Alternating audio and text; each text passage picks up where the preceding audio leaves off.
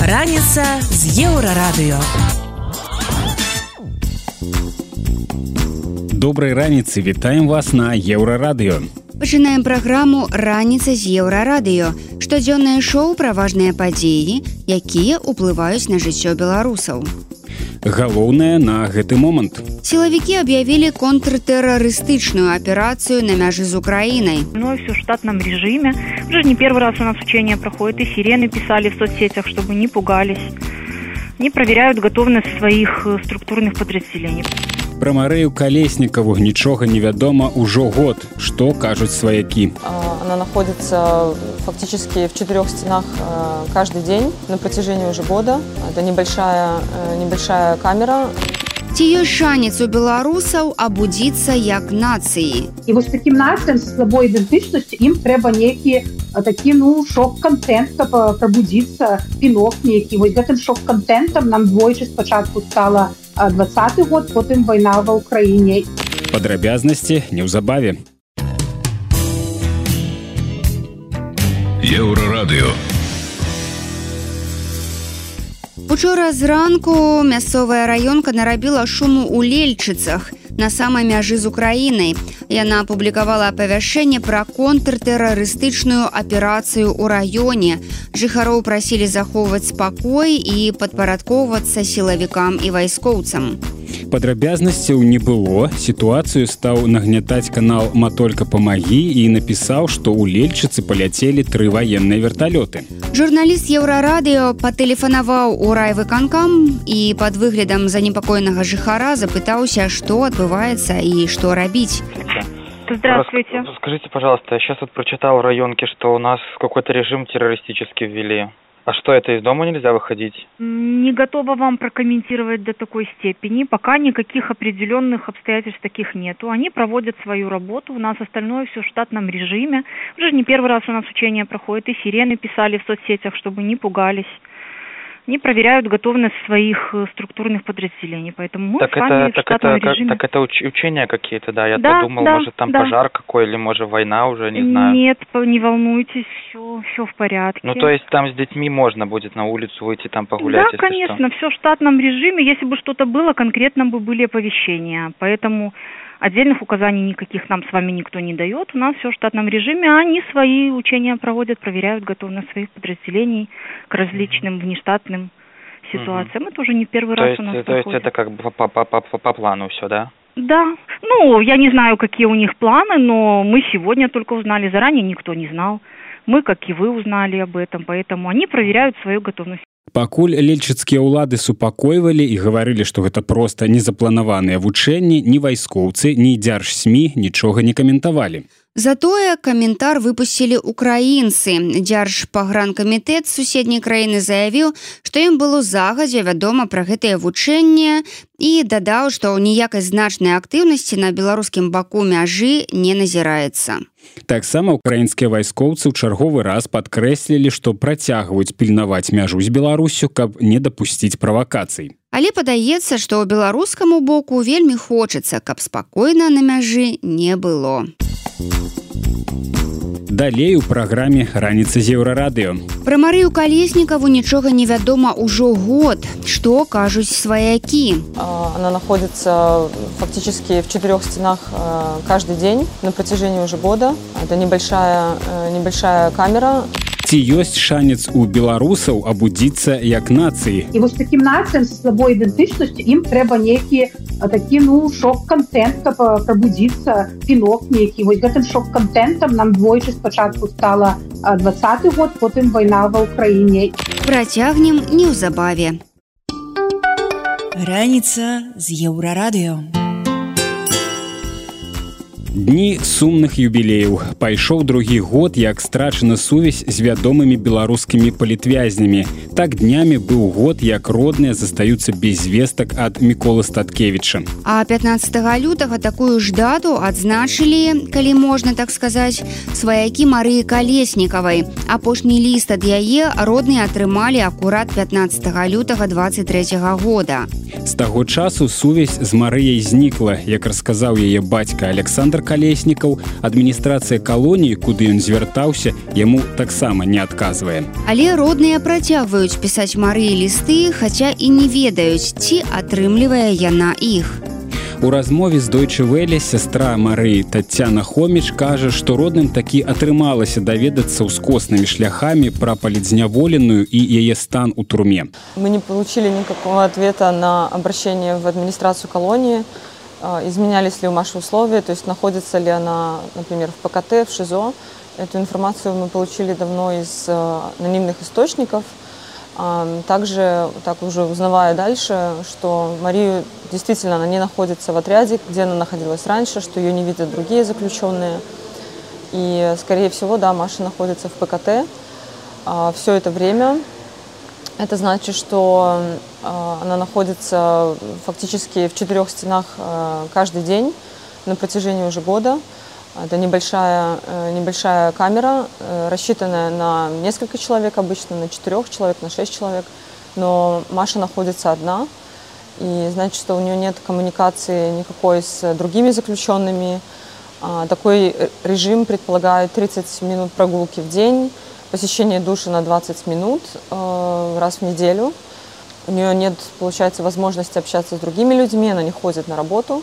Цяпер родныя Марыі калеснікавыя спрабуюць прыцягнуць увагу сусветнай грамадскасці да яе ізаляцыі. Справу ўжо разглядае рабочая група Аан.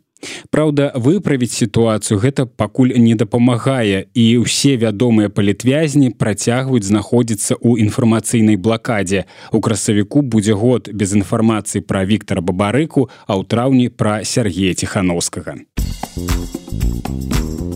Далей у праграме раніца з еўрарадыё. Ці ёсць шанец у беларусаў абудзіцца як нацыі. І вось такім нацыям з слабой ідэнтычнасцю ім трэба нейкі такі ну шок-кантэнт каб прабудзіцца пінок нейкі вось гэтым шок-кантэнтам нам двойчы спачатку стала двадцаты год потым вайна ва ўкраіне. Працягнем неўзабаве. Еўрарадыё. Еўрарадыё. Відаць, гэта унікальная рыса беларусаў шукаць шлях да беларускасці, а потым дзяліцца сваёй гісторыяй, бо яна аказваецца ў кожнага асаблівая. Наш рэдактар зміцер лукашук у праекце ідэя X якраз збірае такія гісторыі і размаўляе з беларусамі, якія гэтую беларускасць ужо знайшлі. Гэтым разам у праект завітала актывістка суполкі беларусаў амерыканскага штата Мічыган воля Бромен. Яна дзеліцца тым, як знайсці ў сабе беларуса, калі ты жывеш у эміграцыі і як двадцаты год змяніў погляды амерыканскіх беларусаў на сваю ідэнтычнасць. Шлях можа быць у кожнага абсалютна свой. І вот мне цікава вы сказалі, што пакуль жылі ў мінску нават па-беларуску не размаўлялі да? А адкуль тады гэта ў вас узялося?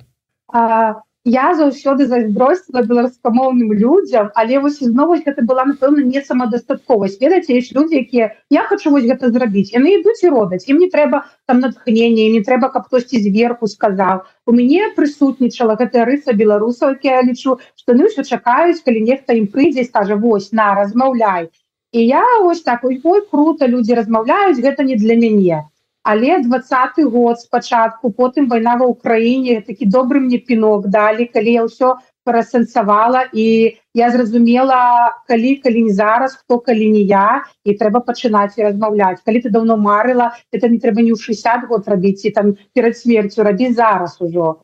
І вось таму пачала Слухайте ну ніколі не позна і ў 60 гадоў і перад смерцю так, зато ты а, перад беларускім Богом пера, пра, пра, станеш беларускамоўным. А ён же ж Бог то ён беларускі мы ж ведаем Христос то дзе прызямліўся гародні ну так шо, ну так що ж що ж тут казаць то ён яшчэ будзе глядзець на себе коса калі там по-іншаму будешь гаварыць але а, воля а ў двадцатым годзе калі ўсё это здарылася все вот як вы кажаце калі ўсё это здарылася вы ж былі ў ЗША у той час. Mm -hmm. вы казалі вот ша, так думкі ўзніклі А чаму ж я вось раней з віламі там на на дразды не бегала.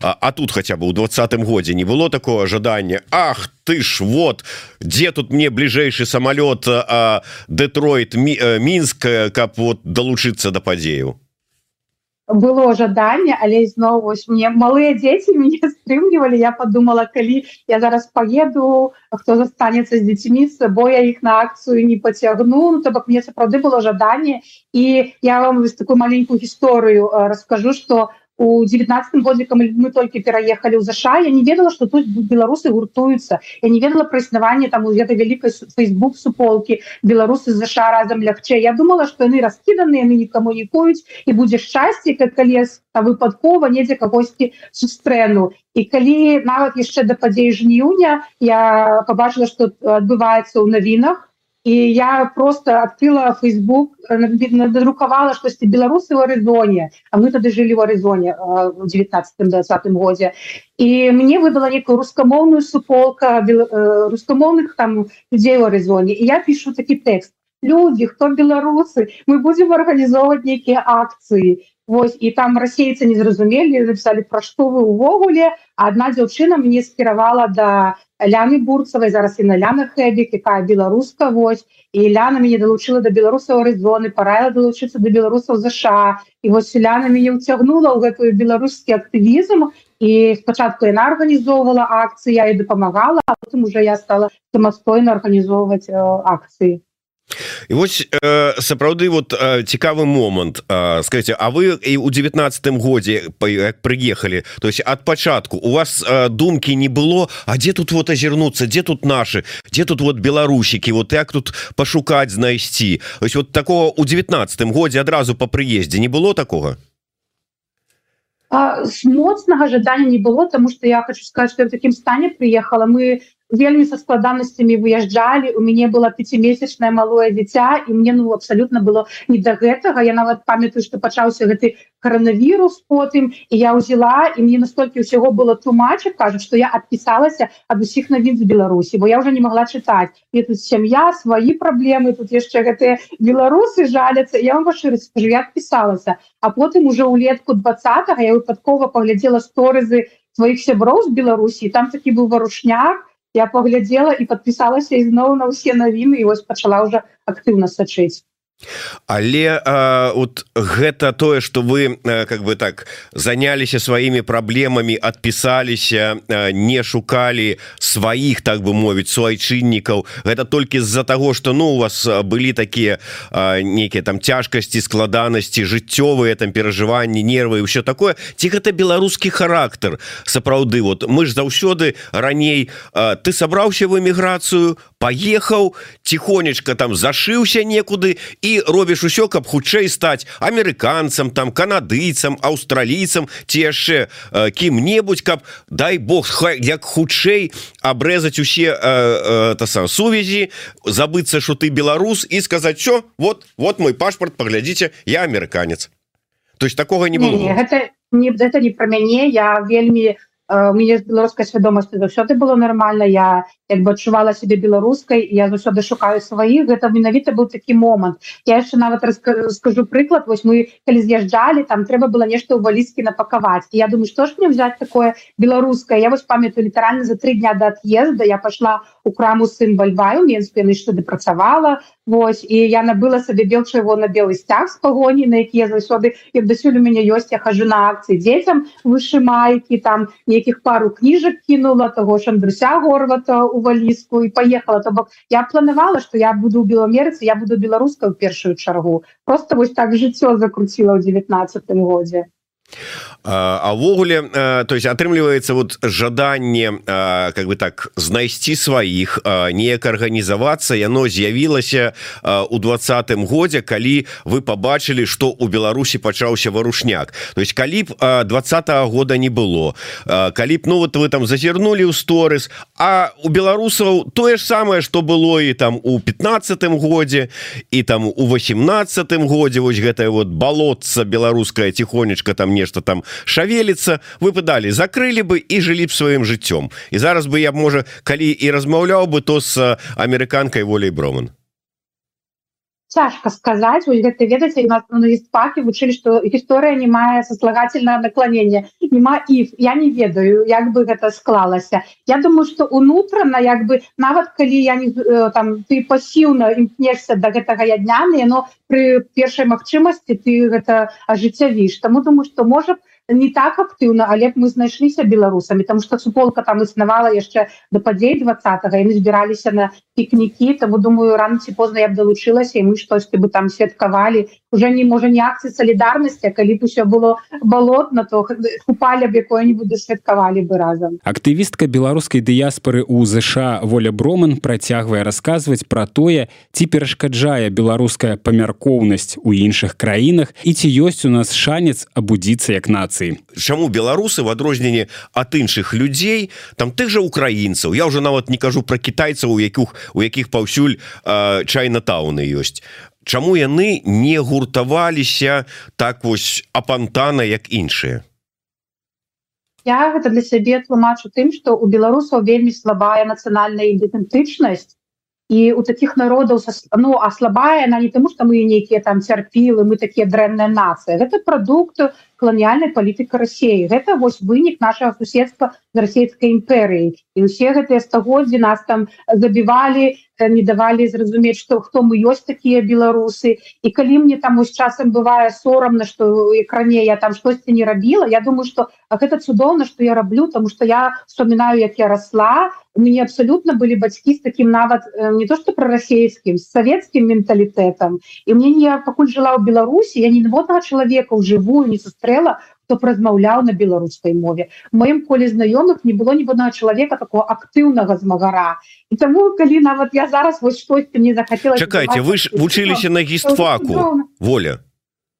Так і, і што нават на гістфаку не было ні ніводнага беларускамоўнага ці беларусы цэнтрычнага вельмі мало і можа яны там і былі адзінкі Ну ось я шмат дарэчы чула про гістфак БДУ. Я вучылася у ускарыня гістфаку і ён быў даволі такі ну я не знаю сказать памяркованыя там былі людзі таких вось э, не сустракала я асабіста іх не ведала але вось беларускамоўных не сустракала. Я больш скажу на гісторыя Беларусі выкладалася на расійскай мове выкладчыкамі якія там беларускамоўныя можна казаць вось возьгудзіла думку пра што я про тое что ёсць прычыны чаму у нас слама слабая ідэнтычнасць беларуская і вось таким нацыям со слабой ідэнтычнасцю ім трэба нейкі такі ну шок-контент каб прабудзіцца пінок нейкі вось гэтым шок-контентам нам двойчы спачатку стала двадцаты год потым вайна ва ўкраіне і тыя хто хацеў расплюшчыць вочы ты расплюшчылі ну а хтосьці дасюль не я не ведаю што ўжо таким людзям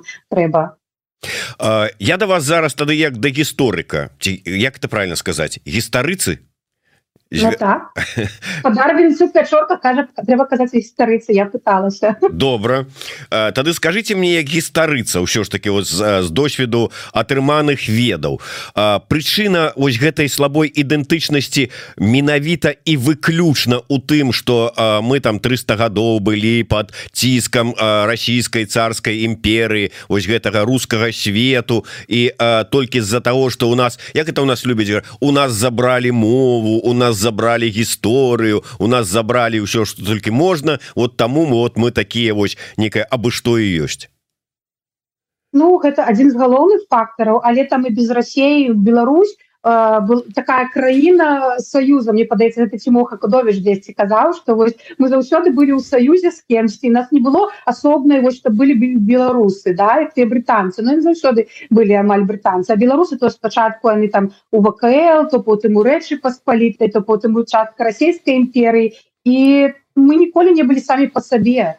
тому у людзей можа это уже нейкім генетычным козе не адчуваць сябе что я беларус Ну я просто до того что вот як вы лічыце мы вот я ж нездарма а дзесьці нават с такой пэўнай не вельмі добрай інтанацыяй казаў что вот у на мы там там беларусы любяць казаць про тое что у нас забрали мову у нас забрали тое сёе. А вот ці моцна мы супраціўляліся Таму каб у нас забрали тую мову? Вот гледзячы вот нават по вашай гісторыі по там гісторыі по гісторыі гістфака выбачайце за тавталогію якім вы вучылі. Что там былі такія людзі казалі не мы не аддадзім верніце нам назад нашу мову не і мы не сопроціўляліся але мне падаецца тут яшчэ шмат э, я калі разважаю думаю что наше выхаванне. Нас літаральна дзіцячага садка вучаць сидеть і маўчаць і не і не ўзнікаць і нават это савецкае бацькоўскае выхаванне А что табе там жарка ў аўтобусе горача ў аўтобусе сядзі маўчыню думай плакаць там. У школе не падабаецца нешта еш аўсянку маўчы і просто зацюкаюць дзяцінства што няма свайго меркавання ў людзей А мне літаральна забралі мову. Я калі пашла ў школу я пашла ў беларускамоўную школу в 94 годзе я два гады правучылася ў беларускамоўнай школе Ну а потым лукашенко забраў мову ён перавёл двухмоўе школа стала расійскамоўнай Таму ну а што я могла змяніць бацькам маім усё роўна было ну а я ў 7-8 год явно тады не мала нічога змяніць ты яшчэ калі кажу ты нічога не можаш змяніць сядзі маўчы Ну з іншага боку ось моя одна з лепшых экспертак палітычных аглядальніц роза турарбекова кажа что я вот калі дзе-нибудь за мяжой яшчэ з даўніх часоў як першае па што па чым могла пазнаць беларусаў калі вот дзе-нибудь на вакзале напрыклад цягнік які-нибудь умоўна кажучы Москва мінск кажа ты вот цягнік яшчэ не бачыш но можешь пазнаць які гэта цягнік ты па людзях якія стаяць на пероне калі стаяць ціхонька маўчаць альбо там дзе-нибудь у чарзе в аэрапорце які там самолет на мінск ляціць калі чарга роўненькая стаіць усе стаяць у чарзе ніхто не лезе без чаргі і маўчаць значыцца беларусы але кажа тое что беларусы маўчаць это не азначае что яны згодныя это сапраўды вот наша такая адметная рыса не пагаджацца моўчкі трымаць дулю ў кішэні і ўсё. Так я лічу что гэта рыса яна вельмі нам перашкаджае нават у беларусах ЗША тоже полки была показальная гісторыя там дзяўчына казала что ёй там не спадабаўся базілік у краме і яна набралася смеласці пайсці і попросить свежы. І все такія Вау ну ты гераіне там что беларусы не просяць калі ім штосьці ну не май не май или я ў краму іду з мужам муж кажа ідзе спытайся можа у іх іншае е і для мяне псіхалагічная траўма уже пайсці пытацца что я хочу ці нават тым же якімсьці ў Амерыцы прадстаўнікам кангрэсменам сенатарам тэлефанаваць Ну гэта жах жахлівы. Нас усё жыццё ў Беларусі туркалі што не трэба тых чыноўнікаў хадзіць і чапаць іх А тут ты можаш ты можаш патэлефанаваць і прыйсці да сенатара але гэта вельмі цяжка маральна пераступіць сябе і ўсім беларусам Я думаю. Гэта адзінкі такія якія А я мне мне мора па калена я іду і раблю Таму што ёсць рыса А як жа ж і вастрыце к хлопцы косы толькі вот так як мара такая что возьмуць это вот крэса каб на поднатачыць у руки і ўсё а насамрэч не не бяруць залежыць напэўна ад кожнага чалавека хтосьці ж бярэ глядзіце нас ёсць палітвязні якія не пабаяліся ўзялі у нас есть хлопцы каліноўцы то бок не можна сказаць что ўсе мы такія сядзім і маўчым а хтосьці жыццёвыя абставіны яго загналі мне ўвогуле есть такое ўражанне ведаеце ось у нас усіх ёсць унутраны беларус ён там ад бабулінай вёскі там сфарміраваўся ці недзе ў школе. А ну штосьці у кожнага ёсць гэта унутраная беларушчына і потым з цягам час на нас лепяць гэты расійскі контент нейкі савецкае выхаванне і мы такой тоўстай скурай нечага лішняга абрастаем і потым здараецца некая падзея і ўся гэта скура злазіць з нас. Ось я адчуваю літаральна двадцатым годзе з мяне ось гэты налёпак усяго чаго там на мяне клалі бацькі сябры атачэнне прапаганда яно лопнула і ўнутраны беларус застаўся. І зараз я уже не баюся я мне падаецца такая смелая стала мне там крылы выраслі. І спраўнаць воля ў 19 годзе ці воля якая жыла ў беларусі зараз это два розных чалавека і ты не разумееш А як ты не бачыў гэтага раней? Вось для мяне яшчэ адным таким чалавекам які забіў цвіку гэтую труну э, моя несмеласці гэта вось якраз была таксама Надзея Нортон калі пашла ў аба яна сказала воля ты хочаш бяры і рабі не чакай ніхто за тебе не зробіць. У мяне там мільён ідэя я там давайте гэта гэта она кажа воля ідзі і рабі і я такая сапраўды ну іду і раблю что мне? Того мне чакаць Гэта былі рэдактары еўрарадыё зміцер лукашукі актывістка суполкі беларусаў мічыгана воля бромен Яны абмеркавалі тое, як шукаць у сабе беларуса, калі ты далёка ад радзімы.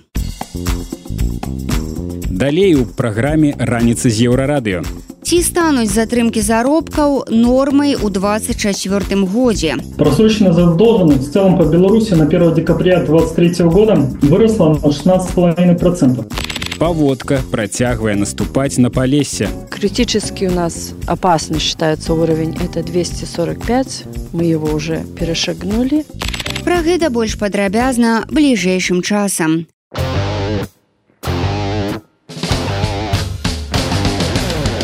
Еўрарадыё. Мы яшчэ не дагаварылі. Заробкі ў Беларусі растуць. Прапаганда радуецца і не заўважае вялікай інфляцыі, якая гэты рост з'ядае. Праўда, ўжо назіраюцца праблемы з выплатамі гэтых вялікіх заробкаў. Ці не прыкмета гэта вяртання 90-х гадоў, калі зарплату чакалі месяцамі. Паводле меркаванняў экспертаў такое можа здарыцца, але ў лакальным маштабе. У каментары для праекта Маланка медыя эканамісты і навуковы супрацоўнік бюрок Олег Мазаль расказаў, што на канец мінулага года рост пратэрмінаванай запазычнасці дасягнуў 16соткаў. Па яго словах гэта не крытычны паказчык, але чакаць паляпшэння сітуацыі не варта. Вось што спецыяліст кажа пра перспектыву ў беларускай эканоміцы. В 2024 году финансовое положение белорусских предприятий будет ухудшаться поскольку китайские компании продолжат свою экспансию на российский рынок и, вероятно, на белорусский. В условиях сокращения рынков сбыта будут ухудшаться финансовые показатели предприятий Беларуси. Но, на мой взгляд, маловероятно, что задержки выплаты заработной платы будут носить системный характер. Але нават калі сітуацыя істотна пагоршыцца, лічыць Олег Мазаль, нічога не перашкаджае рэжыму вярнуцца да практыкі крэдытавання буйных дзяржпрадпрыемстваў праз дзяржаўныя ж банкі. А вось малыя і прыватныя прадпрыемствы могуць чакаць сумныя часы, бо іх дзяржава дакладна не стане падтрымліваць. Прыкладам можа служыць нядаўні выпадак з рыбакансервавым камбінатам у мінску, як у супрацоўнікі не атрымлівалі заробкі больш за 5 месяцаў і прасілі праз тикток умяшацца лукашэнку. Але эканаміст ставіцца з сумневам да гэтай гісторыі і прыводзіць свае аргументы. Мне кажется, случай с рыбоконсервным комбинатом больше похож на некую постановку, которую организовала администрация Лукашенко. Целью может быть показать, как просто попросить Лукашенко в таком ручном управлении можно добиться выплат заработной платы и оперативно решить проблему простых работников. Маловероятно, что работникам более полугода не платили заработную плату, тем более в Минске, где проблем с трудоустройством, как правило, нет. Более того, белорусские предприятия сегодня сталкиваются с дефицитом определенных категорий работников. У цэлым можа быць не такая ўжо гэта і канспіралагічная версія. Тэрмінова пакараць вінаватых прыватнікаў, выратаваць людзей перад выбарамі, святая справа для лукашэнкаўскага рэжыму далей у праграме раніца з еўрарадыё Паводка працягвае наступаць на палесе. Критически у нас опасный считается уровень, это 245. Мы его уже перешагнули. Падрабязнасці неўзабаве. Хутка, шутка і па-беларуску. Зіма адступіла і паводка на палесе пачала набіраць абароты. Выпадкі падтаплення ў жылых дамоў зафіксаваныя ў іванаўскім столенскім ды і вацэвіцкім раёнах, а таксама ў брэсце.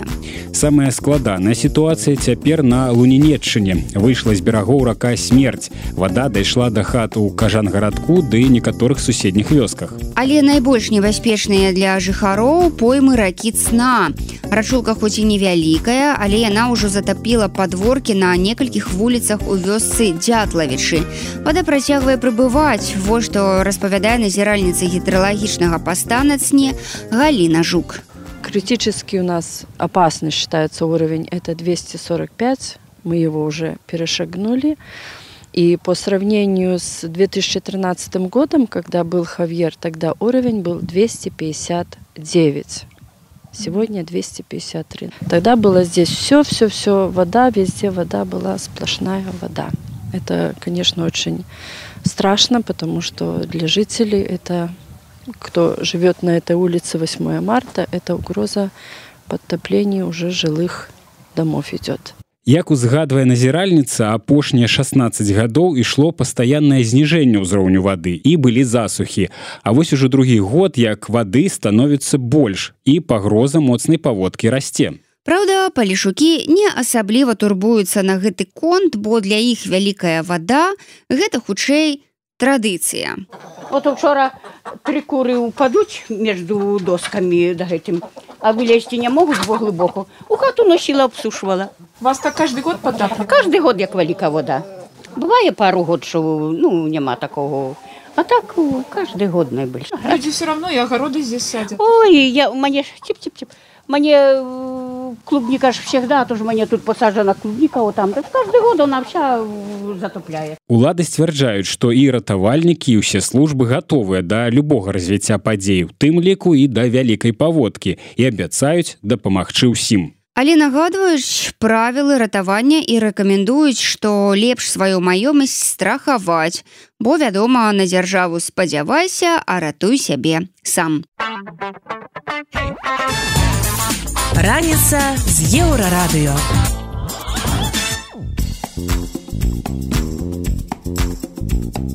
Вяртаемся на еўрарадыё і працягваем ранішні эфір. Вы па-ранейшаму слухаеце раніцу з еўрарадыё. Інфармацыйнае шоу пра важныя падзеі, якімі жывуць беларусы і іншы свет. І вось што цікавага мы распавядзем далей. Краіны НАТО укладаюць усё больш грошай у абарону. Ці рызыкне Расія напасці на іх. Калі яны сёння прымуць рашэнне, давайте ўкінем трыльён даляраў у абаронку. Гэты трыльён апынецца на біржах, а не ў абаронцы. І самае кепскае ў гэтым усім, што Пуін гэта разумее. Чаму ў Беларусі ўсё складаней атрымаць шэнгенскую візу? Можа, гэта і не самае прыгожае рашэнне, але эфектыўнае рашэнне. Мы клапацімся пра нашу бяспеку і калі гаворка ідзе пра бяспеку, усе астатнія фактары яны адыходзяць на другі і на трэці план. Байден ці Трамп. Што адбываецца з Амерыкай? З усіх бакоў незадаволенасць іміграцыйным станам. Пры абаме легальная эміграцыя вельмі запаволілася. Пры трампе яна амаль спынілася. І байден працягвае гэтую тэндэнцыю. Пра гэта ды іншае больш падрабязна цягам бліжэйшай гадзіны.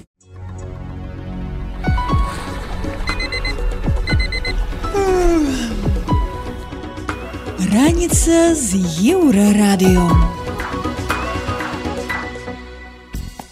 Эксперты з краінаў НАТО ўсур'ёз разглядаюць магчымасць, што Расія нападзе на альянс ужо ў гэтым годзе. Некаторыя дык нават і месяц называюць лістапад, бо менавіта тады ў ЗША адбудуцца выбары, пасля якіх да інаўгурацыі прэзідэнта ўсталюецца пэўнае безуладдзе.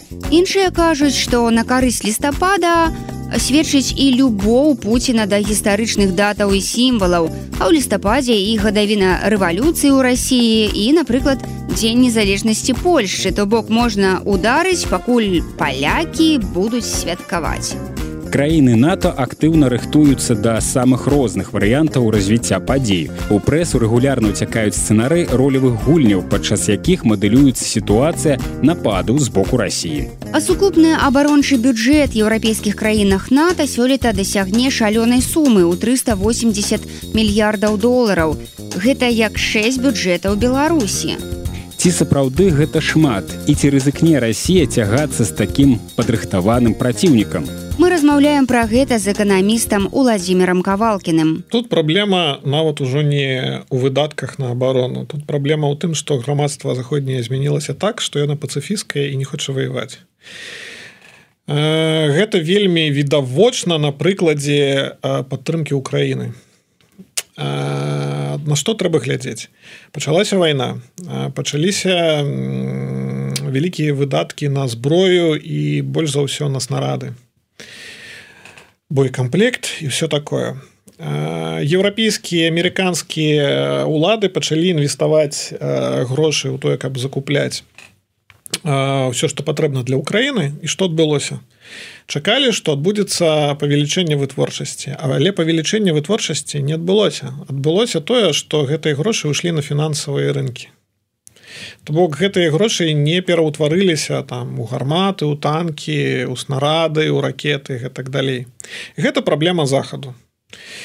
калі яны сёння прымуць рашэнне давайте укінем трыльён даляраў у абаронку гэты трыльён апынецца на біржах а не у абаронцы і самае кепскае ў гэтым усім што Пуін гэта разумее і вось з пункту гледжання бяспекі абароны нато.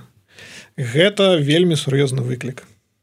Першае яны не могуць э, так як бы хацелі э, павялічыць вытворчасць военную это першае. Другое і ваяваць няма каму. Бо выросла ўжо нават другое пакаленне людзей якія вось таких лева-ліберальных поглядаў пацыфійскіх поглядаў. І калі пачнецца ну напрыклад вайна ўторгненне там Пуціна у літву ці там у Польшу яшчэ кудысьці. То большасць гэтых людзей якія там не ведаю 100 гадоў там 70 гадоў таму павінны былі бы пайсці у армію пехоту там со зброяй э, браніць сваю радзіму яны хутчэй за ўсё альбо пабягуць э, далей кудысьці там за акеан альбо э, ну тыя хто найбольш такі храбры яны пачнуць там працаваць валантэрамі дзесьці дапамагаць па медыцыне і так далей. Але так гэтую вось вайну з пуціным выйграць будзе немагчыма. Чаму? Таму что як бы там не казалі про што бы там не марылі але нават сучасная вайна гэта вайна пехоты і артылерыі і гарматаў то бок калі табе трэба бараніць нейкую тэрыторыю табе трэба пехота якая закапалася ў землю і гарматы на за спінамі гэтай пехоты якія лупяць там по твайму праціўніку. І тое самае калі ты ідзеш у атаку так вось гэтай пехоты яе няма яна ёсць часткова на контракт на контрактніках але гэтыя контрактнікі закончацца вельмі хутка. Ну калі адбудуцца сапраўдныя баявыя дзеянні. І праблема нато ў тым что няма адкуль гэтую пехоту няма адкуль гэтых ваяроў узяць. Ну леволіберальное грамадства пацыфійскае ніхто не хоча ваяваць ніхто не хоча бараніць радзіму. А у Пуціна апроч таго што ёсць гэтая пехота у яго яшчэ ёсць прымус. Ён не скаваны ведаеце там палітыкай этыкай заканадаўствам. Ён сваіх гэтых апрычнікаў дашле і збярэ столькі людзей колькі ему патрэбна. Дадуць калашы ў руки паставяць за гратататрад і скажуць альбо ідзеш туды ёсць шанец выжыць альбо ідзеш на нас мы тебе расстрэльваем і ўсё на гэтым і гэта моцны выклік на сённяшні дзень для нато. Чым гэта ўсё закончыцца я не ведаю. Пакуль што Пуін ніякай мабілізацыі не аб'яўляў ці пайдзе ён на страны балты там польшчу ці не? Ну гэта спекуляцыі. Про гэта можна казаць больш-менш сур'ёзна калі там пачнецца нейкая мабілізацыя ў Росіі каб пайсці напрыклад там на страны балты яму трэба яшчэ 10 300 500 тысяч салдатаў дадаткова. Ну вось калі ён пачне праводзіць мабілізацыю тады можна размаўляць. Але что важно разумець захад вельмі слабы на сённяшні дзень. Нават супраць таго Пуціна слабага Пуціна якога мы маем не слабага Пуціна слабую расійскую эканоміку слабыя расійскія ВПК вось захад даволі слабы. Таму что пацыфісты. Таму што не, хо, не хочуць не ісці на завод працаваць і рабіць гармату рабіць танк не хочуць гэт, з гэтай гарматай ваяваць. Ну, вось нам тут пішаць што Украіна таксама не жадала ваяваць і ліберальных каштоўнасцяў там валам але ж бароніцца О не Украіна гэта цалкам э, іншая гісторыя. Першае ўторгненне ўкраіну гэта 2014 год. І калі мы кажам пра армію Украіны 14 -го года і 22 -го года гэта настолькі розныя арміі гэта цалкам разныя арміі. Армія 14 -го году гэта вось бліжэй да таго што зараз ёсць там у странах і ў развязу армія Украіны 22 -го года гэта ўжо і ветэраны гэта матываваныя людзі якія прайшлі ато якія ведаюць як ваяваць. Гэта ўжо цэлая суполка і гэта сотні тысяч людзей якія там по загаду падружу адразу. Яны умеюць страляць яны зладжаны яны ведаюць ворага яны ведаюць дзеля чаго яны воююць то бок украины на этапе 22 года была нормальная такая пехота нормальные мехбрыгады нормальные арт-брыгады якія могли закопаться и стоять и стоять и стоять и не бояться чтобы по ім лупяць там гэтымі ракетами бо яны ведаюць что рабіць яны ведаюць як закопаться яны ведаюць что такое воля что такое моц як сваю краіну барадзіць і бараніць і дзеля чаго бараніць Ось вось якую Украіну сустрэў Путін. Яго разлік быў на тое што Украіна ў 22 годзе мае армію 14 -го года. І гэта і гэты разлік не спрацаваў. Путін і все яго генералы они не, не разумелі што Украіна змянілася. Але калі Украіна змянілася праз гэтыя 8 год то захад ён ніяк не змяніўся. Ён як быў вось пацыфістка леваліберальны такім і застаўся калі Путін нападзе на одну з краінаў нато што рабіць беларусам якія мігравалі туды па палітычных матывах Напэўна, адны пойдуць ваяваць за сваю другую радзіму, а іншым давядзецца эмігрыраваць далей. А як будуць паводзіць сябе, напрыклад, палякі ці літоўцы, ці пойдуць яны ваяваць? Працягвае разважаць эканамісту Владзімир Кавалкін. Ну, ну што тут надзея? Надзея на украінцаў беларусаў, якія ў Польшы надзея на тых палякаў якія патрыятычныя. Напрыклад ну я ведаю што шмат палякаў вельмі патрыятычныя я ведаю што шмат палякаў рыхтуецца да абароны сваёй радзімы. То бок Польша гэта не Германія напрыклад з пункту гледжання этыкі. Гэта не нас не настолькі пацыфі пацыфійская краіна. Хаця яна патроху пераўтворваецца ось у гэтую звычайную заходнюю краіну. То бок не, не трэба ваяваць все людзі браця то все жанчыны сёстры давайте абдымемся давайте зробім харавод давайте любіць адзін аднаго. Вось. Не гэта ўсё вельмі добра пакуль вораг не прыйшоў. Я як я як бы базава таксама пацыфіст. Я супраць войны але ну калі прыйшоў вораг трэба себе бараніць. Ось у Польшы яшчэ ну як бы засталася гэта этыка сярод палякаў і нават сярод моладзі польскай што трэба радзіму неяк бараніць. То бок тут ну тут тут надзея вось на, на, на беглых на украінцаў і на патрыятычных э, літоўцаў палякаў. Але калі мы кажам пра страны балты і калі мы кажам напрыклад пра напад з боку рассіі на страны балты то прогнозы цяжкі без э, падыходу войск нато там там няма пра што казаць ну просто у стран у странах балты менш за 10 мільёнаў насельніцтва і армія адпавядае гэтаму насельніцтву у беларусі таксама менш за 10 мільёнаў насельніцтва ну то бок тры краіны балты гэта одна Беларусь. І я не ведаю калі Путін ну, там захоча напасці гэта не будзе вайна супраць Украіны гэта будзе у не ведаю. Гэта будзе нават не вайна су Росіі супраць Беларусі. Гэта будзе такі марш да клайпеды. Ось а там ужо калі застаніліся партызаны добра. Калі не ведаю дапамога прыйшла з боку Польшчы плюс з боку ЗША там неяк яны па мору прыйшлі высадзіліся і адбіваць пачалі гэтыя тэрыторыі то добра. Але ну там стратэгічна Путін можа зрабіць нешта іншае. Ну напрыклад ён можа паспрабаваць зрабіць бліцкрык дайсці не ведаю да клайпеды за два дні а гэта рэальна. У літвы там і у Латвіі у стоніі войскаў няма каб спыніць там мех брыгады якія могуць напрыклад пайсці з боку рассіі беларусі і калінградскай вобласці.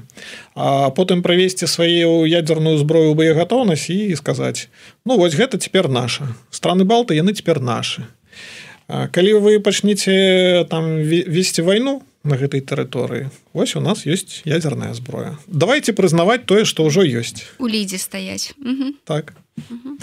А, і уласна я думаю что такія як бы версіі можа быть не там 100соткавы план а як версія як магчымы план б а можа быть і план а у расійскім генштабе 100соткава прысутнічае. Захапіць за там дзень два максимум три страны балты прывесці ў боегатоўнасць ядерную зброю і казаць Окей мы ведаем что у вас войска мацнее мацнейшая за наше але калі вы паспрабуеце адваяваць назад гэтай тэрыторыі вось ядерная зброя мы слухали эканаміста владимира кавалкина Ён распавёў, як павелічэнне выдаткаў на абарону ў НАТО уплывае на жаданне Пуціна акупаваць якую-небудзь з краін альянса і паразважаў пра тое, ці гатовыя палякі ды літоўцы абараняць сваю радзіму. Далей у праграме раніца з еўрарадыё. Чаму ў Беларусі ўсё складанне атрымаць шэнгенскую візу?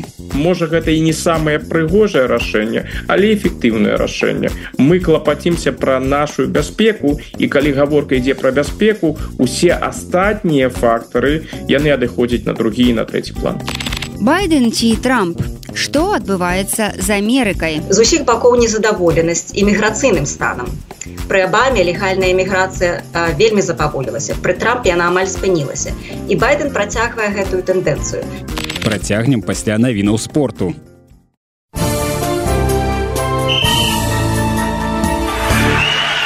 На еўрарадыё навіны спорту. у Зборная Беларусі захавала 95 месца ў рэйтынгу FIFA. Яго абноўлены варыянт з'явіўся 15 лютага. У першай тройцы зборнай Аргенціны, Францыі і Англіі.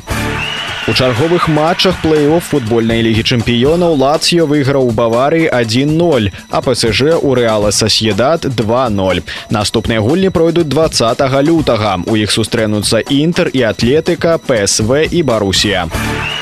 Баскетбалісты барысфена ў чэмпіянаце беларусі абыгралі ў гасцях рэзервістаў мінска 8271 у выніку набралі ў 22 матчах 41 ачко і дагналі лідара гродна 93 у жаночым першынстве краіны лідыруе мінск які на два ачкі апярэджвае гарызонт. у хакеісты юнацтва працягнулі сваю пераможную серыю беларускай хакейнай экстралізе да 11 матчаў. У авертайме яны абыгралі гродзенскі нёман 32 з такім жа лікам шахцёр выйграў у ліды. Салігорцы лідыруюць з 82 матчкамі у віцебска 78 і матч у запасе. У юнацтва 72 ачкі спартсменаў без чырвона-зялёнага сцяга на форме не дапусцяць да чэмпіянату беларусі па лёгкай атлетыцы ў памяшканні.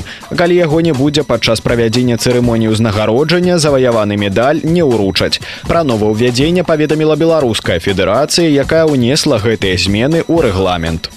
Гэта былі навіны спорту. Заставайцеся на еўрарадыё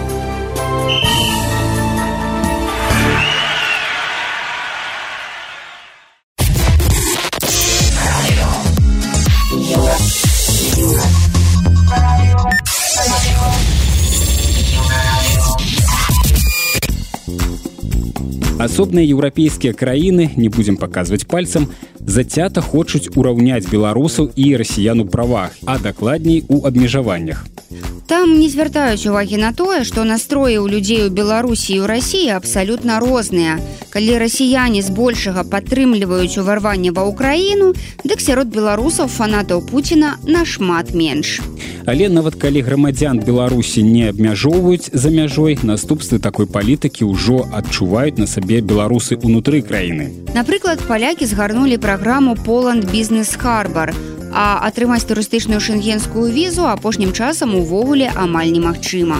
Тыя з чэхі парта працягваюць лічыць, што пакуль ідзе вайна у пашпартах беларусаў не мусіць быць шэнгену. Адкуль бярэцца гэтая лютая беларусафобія.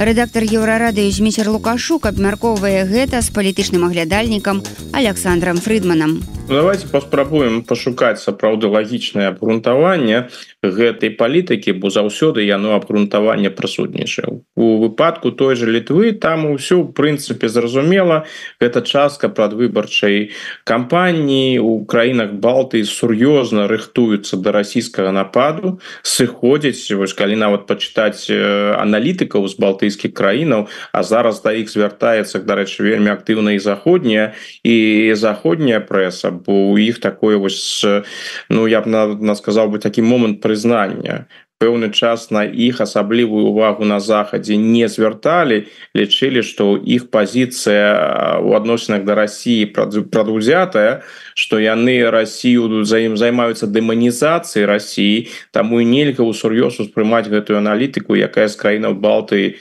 прыходзіць. Зараз ўсё прынцыпова змянілася цяпер аналітыкі з краінаў Балтыі лічацца каштоўнымі экспертамі і іх меркаванні да іх меркаванняў сапраўды прыслухоўваюцца Ну гэта такі момант да.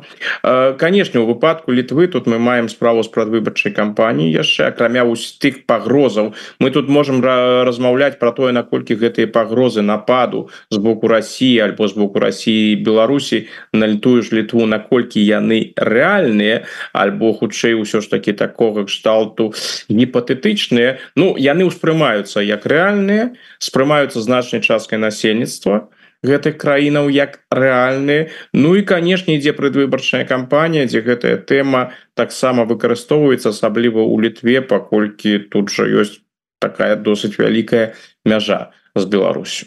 Што ж тычыцца ўжо іншых выпадкаў то вось гэта прыраўна прыраўняць беларусаў да грамадзянаў Росіі альбо увогуле Беларусь у плане санкцый да Росіі Ну пэўная логіка ў гэтым была ў 2022 годзе.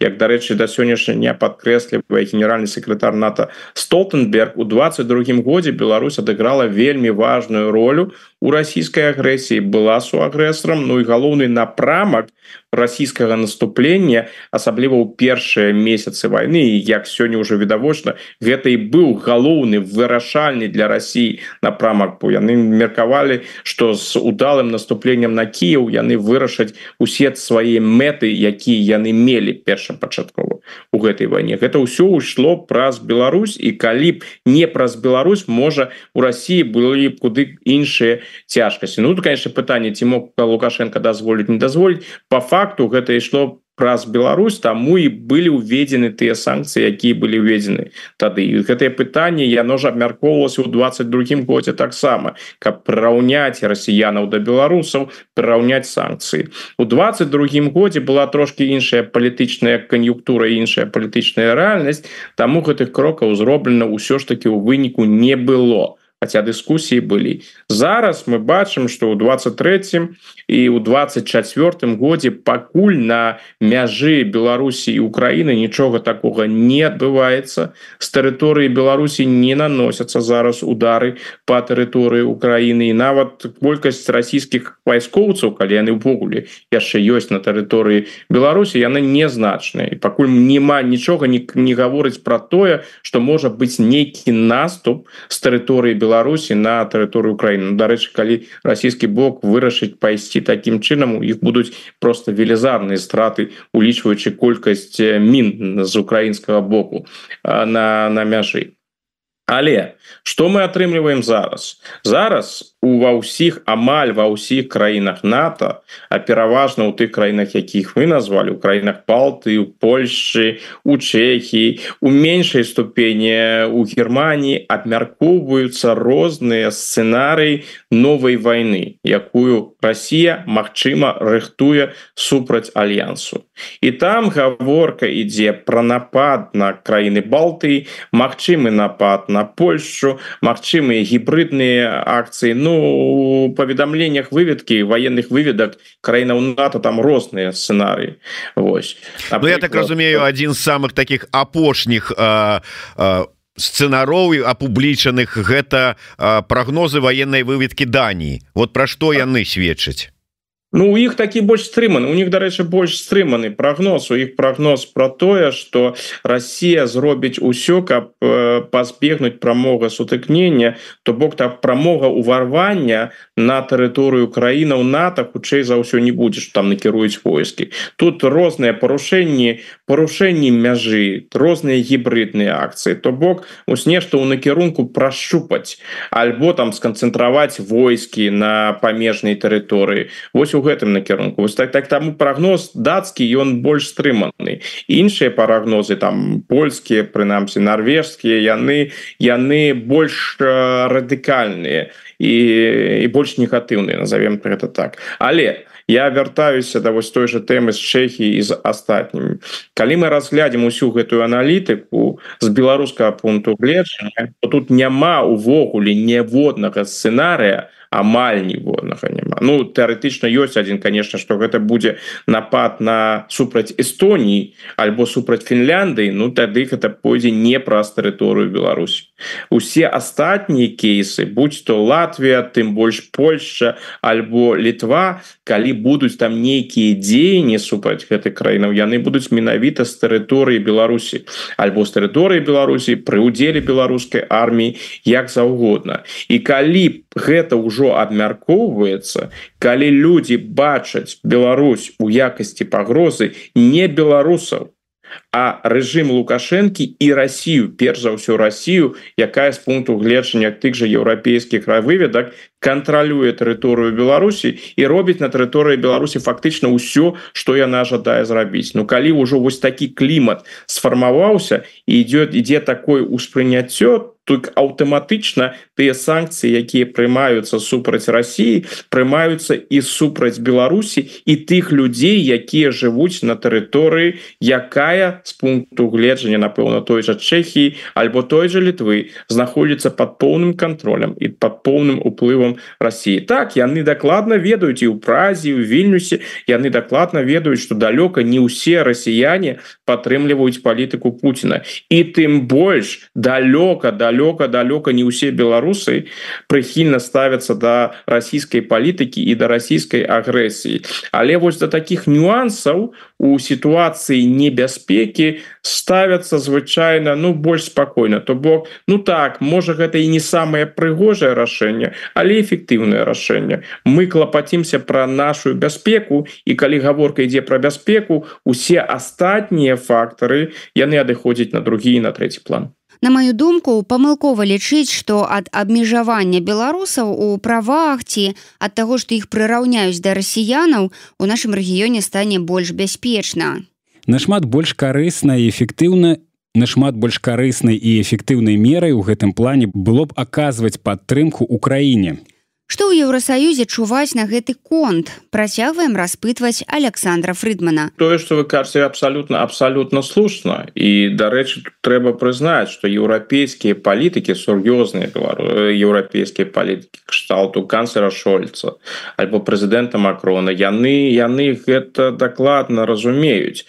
Ось асабліва цікавы у гэтым сэнсе канешне шольц як змянілася яго рыторыка за апошнія гады. Ён мне падаецца ён сапраўды сапраўды адчувае адказнасць зараз за лёс Еўропы і разумее што ў тым выпадку якім Еўропа зараз апынулася у тым калі у злучаных штатах незразумела што будзе ці можна будзе разлічваць у выпадку абрання трампа на дапамогу злучаных штатаў. А з другога боку гэта вайна ў Еўропе. І калі Росія атрымае перамогу ў гэтай вайне яна прасунецца і будзе працягваць свае агрэсіўныя імперыялістычныя дзеянні у адносінах да іншых краінаў ён якраз добра разумее что трэба зрабіць усё. Таму ён і каб дапамагчы ў краіне Таму ён зараз і актывізаваўся і заклікае розныя еўрапейскія краіны сапраўды дапамагчы. Но тут праблема заключаецца ў тым что Германія сапраўды робіць робіць шмат і нават робіць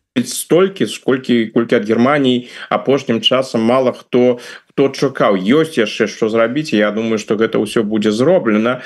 Но тут з, з нямецкай пазіцыі якраз таки праблем праблем няма. Тут больш праблем з іншымі. Напрыклад Францыя яна схільная до таких гучных крокаў А калі паглядзець что сапраўды франц Францыя накіроўвае Ну так яны конечно накіроўваюць. Маглі б канешне куды больш рабіць. Там шмат гучных словаў менш э, справаў. Калі паглядзець на іншыя краіны асабліва ў заходняй Еўропе дык яны робяць выгляд что яны шольца і не не, не пачулі. І тое ж іспанскае кіраўніцтва кажа мы лічым что тое что там кажа шольц до нас не адносятся бо мы для Украины краіны ўжо зрабілі ўсё што мы маглі зрабіць у нас больш магчымасцяў няма у італіі увогуле ідуць нейкія досыць інфантыльныя размовы про тое что еўрапе еўразвяз павінен паклапаціцца про перамовы паміж украінай і Росіяй Ну гэта ўвогуле досыць абсурдная пазіцыя паколькі менавіта расійскі бок разглядае еўразвяз як удзельніка канфлікта і нейкай пасрэдніцкай ролі у еўразвяза тут просто просто быть не можа то бок дыскусіі ідуць. І безумоўна из Европы Украина будзе атрымліваць зброю яна будзе атрымліваць і дроны яна будзе атрымліваць і самалёты. F16 про іх ішла гаворка галоўным чынам падчас апошняга рамштайну. І тут розныя еўрапейскія краіны праяўляюць нават нечаканую актыўнасць. Тыя ж нідерланды паводзілі сябе досыць досыць стрымана накіроўваюць самалёты яшчэ нават відаць будзе больш самалётаў чым яны абяцалі Данія таксама накіроўвае самалёты Ну дарэчы дацкая пазіцыя она выглядае цалкам цалкам лагічна калі паглядзець тое што піша тая ж военная выведка то Даніі Ну яны ацэньваюць сітуацыю менавіта таким вось чынам что калі Украіне не дапамагчы узнікнуць вялікія праблемы у тым ліку і і для Даніі.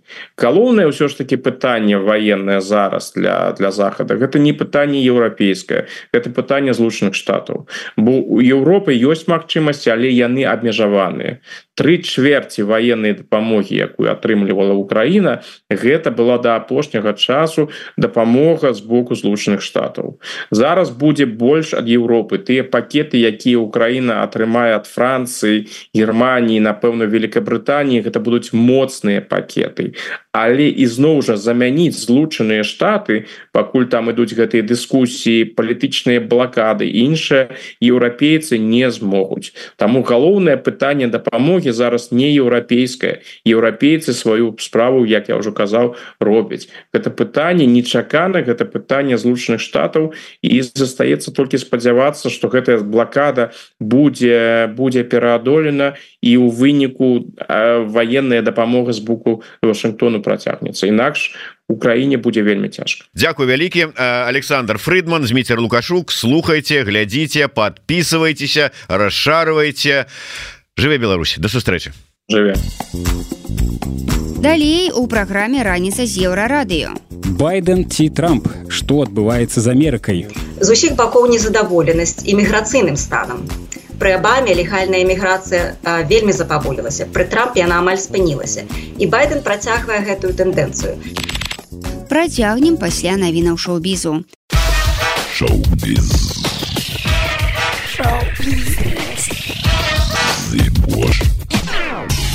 Навіны шоу-бізу на еўрарадыё. Рэжысёр тот Філіпс паказаў вобразы галоўных персанажаў з доўгачаканага сіквела Джокера з хакенам феніксам і ледзі гагай у ролі Харлі Квін. Падрабязнасці ўсё яшчэ няшмат, але фільм абяцае драматычны сюжэт з адпаведным музыкальным суправаджэннем, дзеянні якога адбываюцца ў прытулку Аркхема пасля поспеху арыгінальнага джокера які сабраў больш за 1 мільярд долараў па ўсім свеце і прынёс акцёру феніксу оскар чаканні гледачоў высокія марго робі якая раней грала харалі квін выказала сваю падтрымку новай гераіне выхадновай стужкі запланаваны сёлета на 4 кастрычніка Эмінем аб'яднаўся з вялікімі медыакампаніямі для стварэння дакументальнага фільма под назвай стэнс, які павінен распавесці аб сапраўдных фанах па ўсім свеце. Стужка, што будзе знята таленавітым стывенам лекартам, абяцае інтымнае падарожжа ў інтрыгуючы свет фан-культуры, у цэнтры якога сам рэпер Эмінем. Стэнс, які плануецца выпусціць у канцы гэтага года, будзе распаўсюджвацца парамаунт і MTV, прапаноўваючы гледачам унікальны погляд на глыбокую сувязь паміж выканаўцам і фанамі прадстаўніца па нацыянальным адраджэнні аб'яднанага пераходнага кабінета Аліна коўшык запрашае беларусаў прыняць удзел у агульнай дыктоўцы да дня роднай мовы які святкуецца 21 лютага. Падзея прымеркаваная да стагоддзя з дня нараджэння народнага пісьменніка беларусі Васіля быкова дыктоўку можна правесці ў школе ва універсітэце ў любой публічнай прасторы на працы ці з сябрамі. Далучайцеся ўсёй беларусю дзе б вы не былі. Не сумняюся словы нашага класіка лідара адраджэння пранікнуць у сэр сэрцы ўдзельнікаў дыктоўкі і падтрымаюць нацыянальны гонар і любоў да роднай мовы заклікае Аліна коўшык беларускі гурт well прэзентаваў новы сінгл снежная каралева у відэа зімовым настроем салістка гурта прымервае на сябе вобраз той самай гераіні сказак. Под драйвовы вайп песні хочацца танчыць што дарэчы і робіць сама лера ў кліпе. Гэта глыбокая гісторыя кахання якая можа прайсці самыя цяжкія выпрабаванні і сагрэць сэрцы нават у халодныя часы пішуць музыкі ў садсецы. Дарэчы менавіта гурт well павінен быў прадстаўляць Беларусь на еўрабачанне ў год калі калі конкурс адмянілі праз пандэмію. Трэк снежная каралева ўжо даступны для праслухоўвання. Гэта былі навіны шоу-бізу, заставайцеся на еўрарадыё.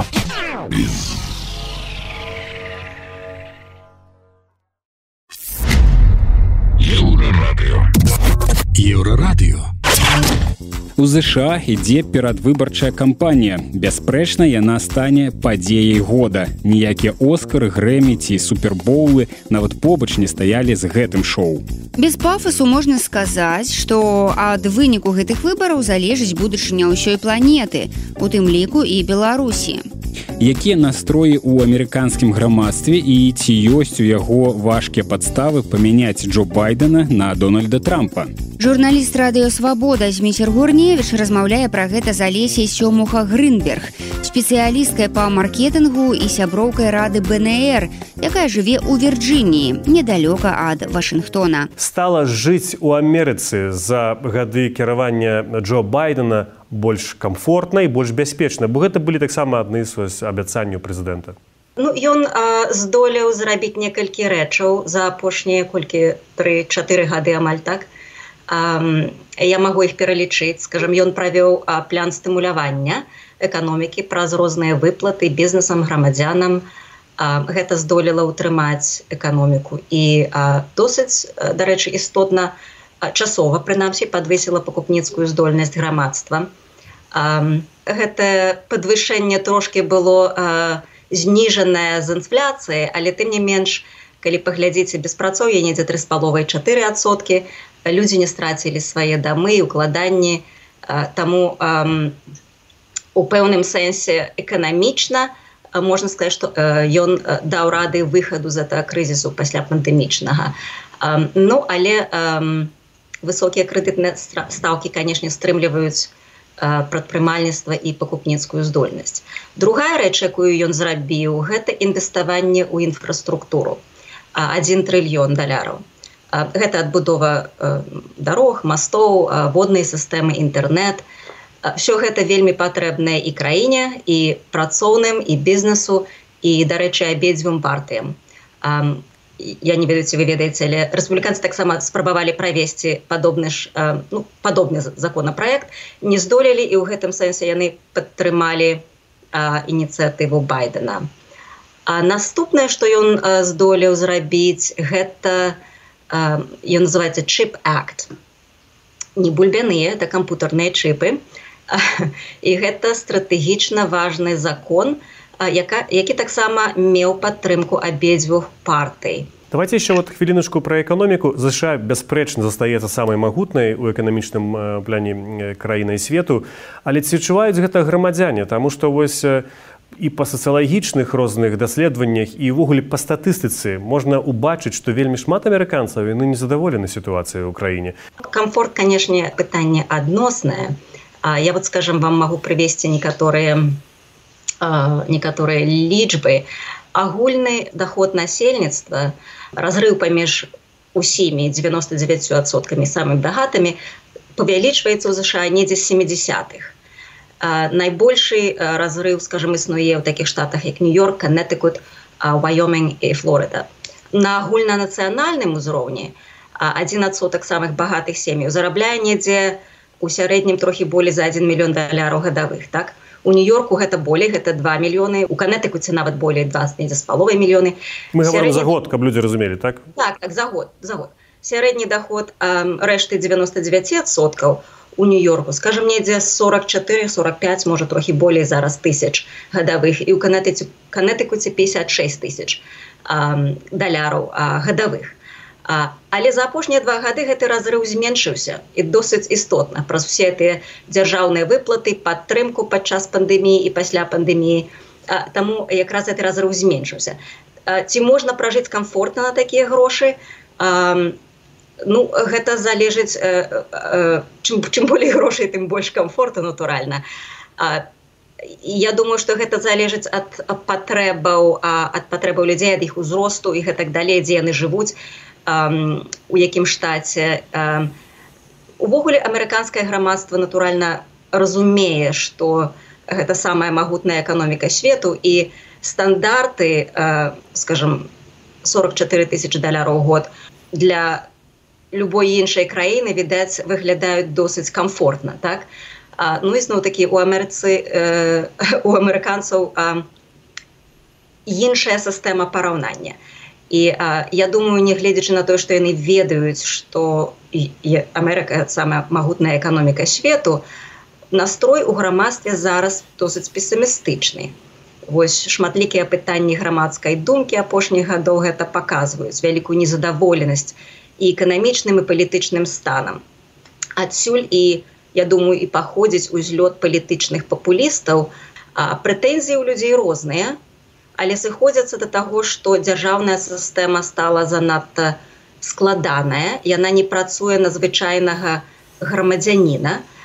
Справа э, э, гэта прэтэнзіі што падаткі ідуць немаведама куды. Бюракратыя на ўсіх узроўнях асабліва федэральная што яна мае зашмат улады у тым ліку па вырашэнні пытанняў прыватных прыватных пытанняў грамадзян іх правоў. Злева прэтэнзіі пра занадта дарагую адукацыю і ахову здароўя і чаканне, што ўрад мусіць вырашаць сацыяльныя праблемы. З усіх бакоў незадаволенасць іміграцыйным станам пры абаме легальная эміграцыя вельмі запаволілася пры трампе яна амаль спынілася. І байден працягвае гэтую тэндэнцыю.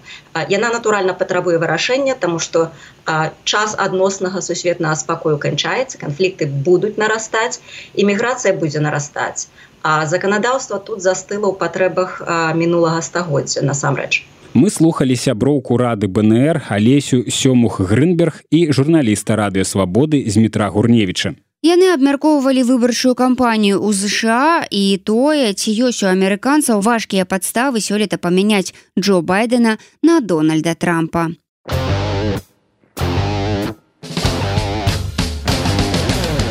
Еўрарадыё. Мы яшчэ не дагаварылі. Гэта былі самыя важныя навіны і сэнсы раніцы з еўрарадыё заўтра ранкам мы зноў распавядзем вам пра галоўнае што адбываецца ў краіне і свеце. Сустракаемся ў той жа час у тым жа месцы. Беражыце сябе. Пачуемся